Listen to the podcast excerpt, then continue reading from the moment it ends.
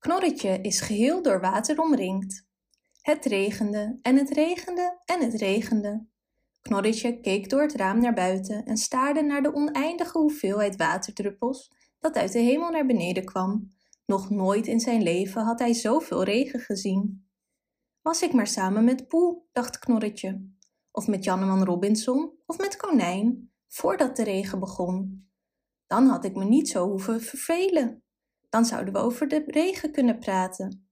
Dan zou ik tegen Poe zeggen: Heb je ooit zoveel regen gezien, Poe? En dan zou Poe zeggen: Het is vreselijk, hè, Knorretje? We zouden er uren samen over kunnen praten. Knorretje vond het best spannend worden, nu de kleine beekjes zich met zoveel water vulden dat ze begonnen te overstromen. Het water verzamelde zich rondom het huis van Knorretje en hij vroeg zich af wanneer al dat water zijn bed zou bereiken. Het is een beetje eng, zei Knorretje tegen zichzelf, om een heel klein dier te zijn, en dat helemaal omringd is door water. Janneman Robinson en Poe zouden aan het water kunnen ontsnappen door in een boom te klimmen. Kanga zou er met grote sprongen overheen kunnen springen. En Uil zou gewoon weg kunnen vliegen.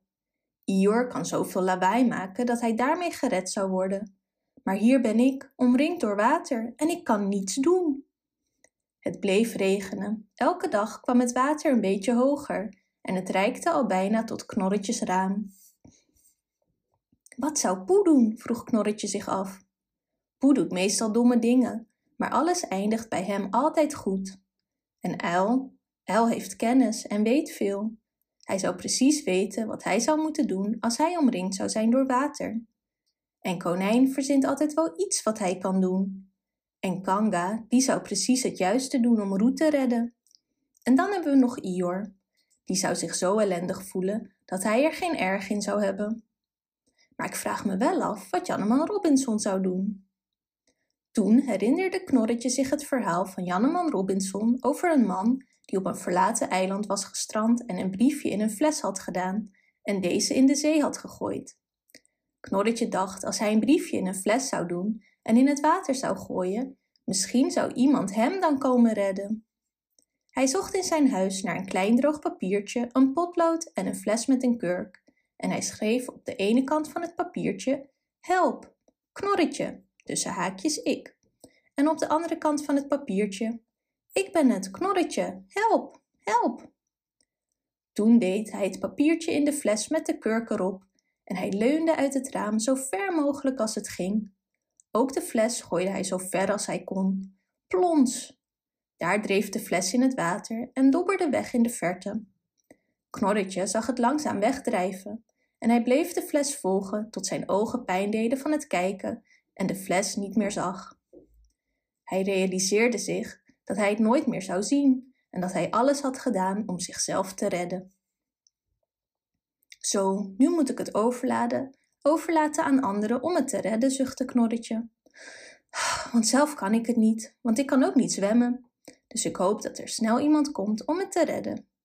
Toen zuchtte Knorretje nog eens diep en zei: Ik wou dat Poe hier was. Met zijn tweetjes is het veel aangenamer. Toen de regen begon, sliep Poe.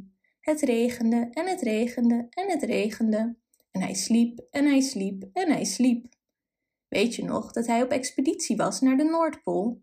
Hij was zo trots op zichzelf dat hij Janneman Robinson vroeg of er nog andere polen waren. Er is een Zuidpool, zei Janneman Robinson, en ik denk dat er ook wel een Westpool en een Oostpool is, maar daar praat eigenlijk nooit iemand over. Poe was erg opgewonden toen hij dit hoorde en stelde een expeditie naar de Oostpool voor, maar Janneman Robinson had andere plannen.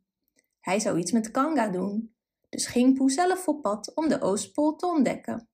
Geen idee of hij de Oostpool ook gevonden had, maar hij was zo moe toen hij thuis kwam dat hij tijdens het eten van zijn maaltijd in zijn stoel in slaap was gevallen, waar hij sliep en sliep en sliep. Hij droomde dat hij de Oostpool had gevonden. Het was er erg koud, er lag sneeuw en ijs. Hij had een bijenkorf gevonden om in te slapen, maar er was geen ruimte voor zijn benen, dus die had hij buiten gelaten. En de wilde woezels die op de Oostpool wonen, zaten te knabbelen aan zijn benen, om van de vacht nesten te maken voor hun jongen. Hoe meer ze knabbelden, des te kouder zijn benen werden, tot hij Oh, daar zat hij met zijn benen in het water en er was water overal rondom hem. Hij stond op om even naar buiten te kijken. Oei, dit is ernstig, zei Poe. Ik moet hier zien weg te komen. Dus hij pakte zijn grootste pot honing en nam de benen via een brede tak van zijn boom die ruim boven het water hing. En toen klom hij meer naar beneden en pakte opnieuw een pot honing. Toen hij met alles klaar was, zat Poe op zijn tak met zijn benen bungelend en er stonden tien potten honing naast hem. Twee dagen later zat Poe op zijn tak en er stonden vier potten honing naast hem. Drie dagen later zat Poe op zijn tak en er stond één pot honing naast hem. Vier dagen later zat Poe er nog steeds. En het was op de ochtend van de vierde dag dat de fles van Knorretje langs Poe dreef. Poe, die dacht dat het honing was, greep de fles uit het water en nestelde zich weer terug op zijn tak. Drommels, zei Poe, toen hij zag dat er geen honing in de fles zat, maar een papiertje. Hij haalde het papiertje uit de fles en keek erna. Het is een bericht, zei hij tegen zichzelf, maar ik kan het niet lezen. Ik moet naar Janneman Robinson, Uil of Knorretje. Zij kunnen het lezen en me vertellen wat er staat. Maar ik kan niet zwemmen, dus hoe moet ik dat doen? Ah, drommels. Toen kwam hij op een idee. Als een fles kan drijven, dan kan een pot ook drijven. En als een pot drijft, kan ik er bovenop zitten, als het een hele grote pot is. Dus hij zocht zijn grootste pot en gaf het de naam de drijvende beer, want alle boten moeten een naam hebben. Het duurde even voordat Poe de juiste positie kon vinden om op de drijvende beer te blijven zitten, maar het lukte hem uiteindelijk. En triomfantelijk bewoog Poe zich voort, krachtig peddelend met zijn voeten. Janneman Robinson woonde op het hoogste gedeelte van het bos. Het regende en het regende en het regende, maar het water kon niet helemaal tot zijn huis komen. Elke ochtend ging Janneman Robinson met zijn paraplu naar buiten om een stok neer te zetten waar het water was gekomen. En elke ochtend was de stok verdwenen in het water en moest Janneman Robinson een nieuwe stok zoeken. Op een ochtend zag hij dat zijn hele huis omringd was met water het leek alsof hij op een eiland woonde, wat overigens best spannend was. Deze ochtend vloog Uil over het water naar het huis van Janneman Robinson om hem gedag te zeggen. Kijk eens, Uil, zei Janneman Robinson, is het niet grappig? Ik woon nu op een eiland. Tja, de weersomstanden zijn op dit moment erg onfortuinlijk, zei Uil. De wattes?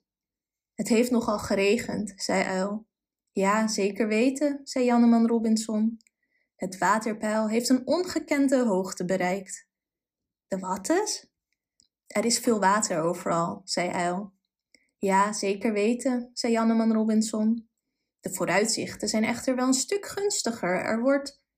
Heb je Poe gezien? vroeg Janneman Robinson. Nee, antwoordde Uil, en hij wilde net verder vertellen. Ik hoop dat het goed met hem gaat, zei Janneman Robinson. Ik verwacht dat Knorretje bij hem is. Denk je dat het goed met hen gaat, Uil? Ik denk het wel, zei Uil, want weet je... Zou jij zo vriendelijk willen zijn om even bij ze te kijken, Uil? Want Poe is nou eenmaal niet zo'n slimme beer en misschien doet hij iets doms. En ik maak me zorgen. Wil je dat doen, Uil? Ja hoor, dat zal ik doen, zei Uil. Ik kom zo weer terug. En toen vloog hij weg. In korte tijd was hij weer terug. Poe is er niet, zei Uil. Is er niet? Hij was er wel. Hij heeft buiten zijn huis op een tak gezeten, met negen potten honing naast zich. Maar nu is hij er niet meer. Oh, poe, riep Janneman Robinson. Waar ben je nu? Hier ben ik, zei een stem achter hem. Poe! Ze vlogen elkaar in de armen. Hoe ben je hier gekomen, Poe? vroeg Janneman Robinson. Op mijn boot, zei Poe trots. Ik kreeg een belangrijke boodschap in een fles en omdat ik water in mijn ogen kreeg, kon ik het niet lezen, dus ik heb het naar jou meegenomen op mijn boot. Met deze trotse woorden gaf Poe het briefje aan Janneman Robinson. Het is van Knorretje, riep Janneman Robinson toen hij het had gelezen. We moeten hem meteen gaan redden. Ik dacht dat hij bij jou was, Poe.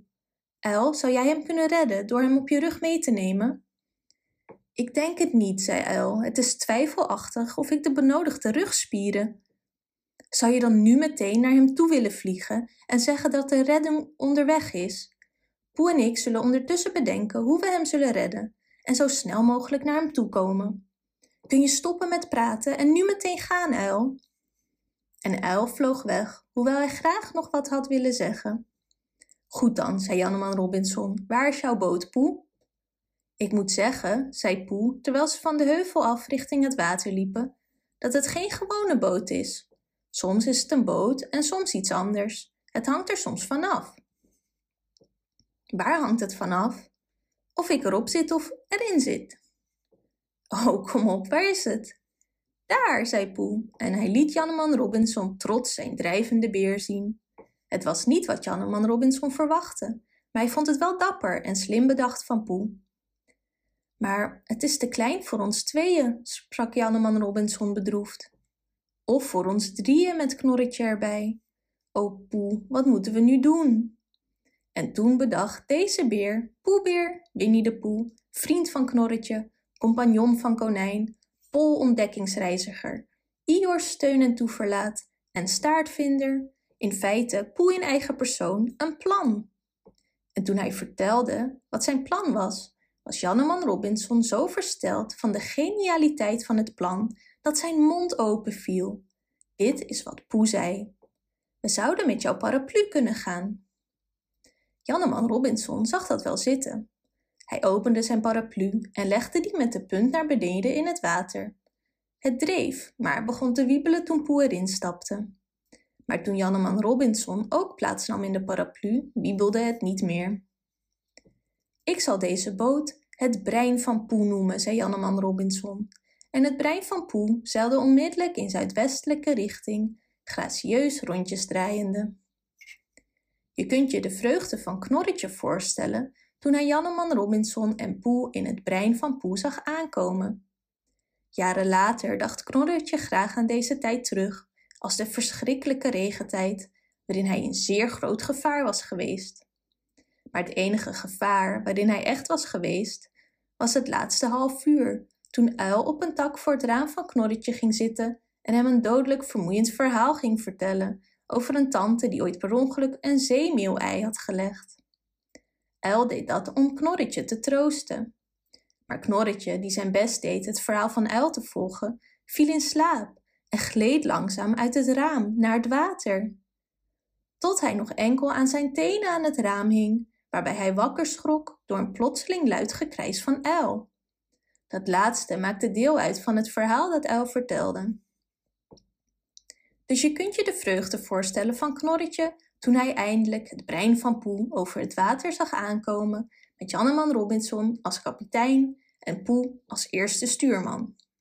En dat is het einde van het verhaal. Want nu ben ik heel moe van die laatste alinea, dus ik denk dat het goed is als het verhaal hier stopt. Bedankt voor het luisteren. Wist je dat je dit verhaal ook op onze website ririro.com/nl kunt lezen, downloaden en printen?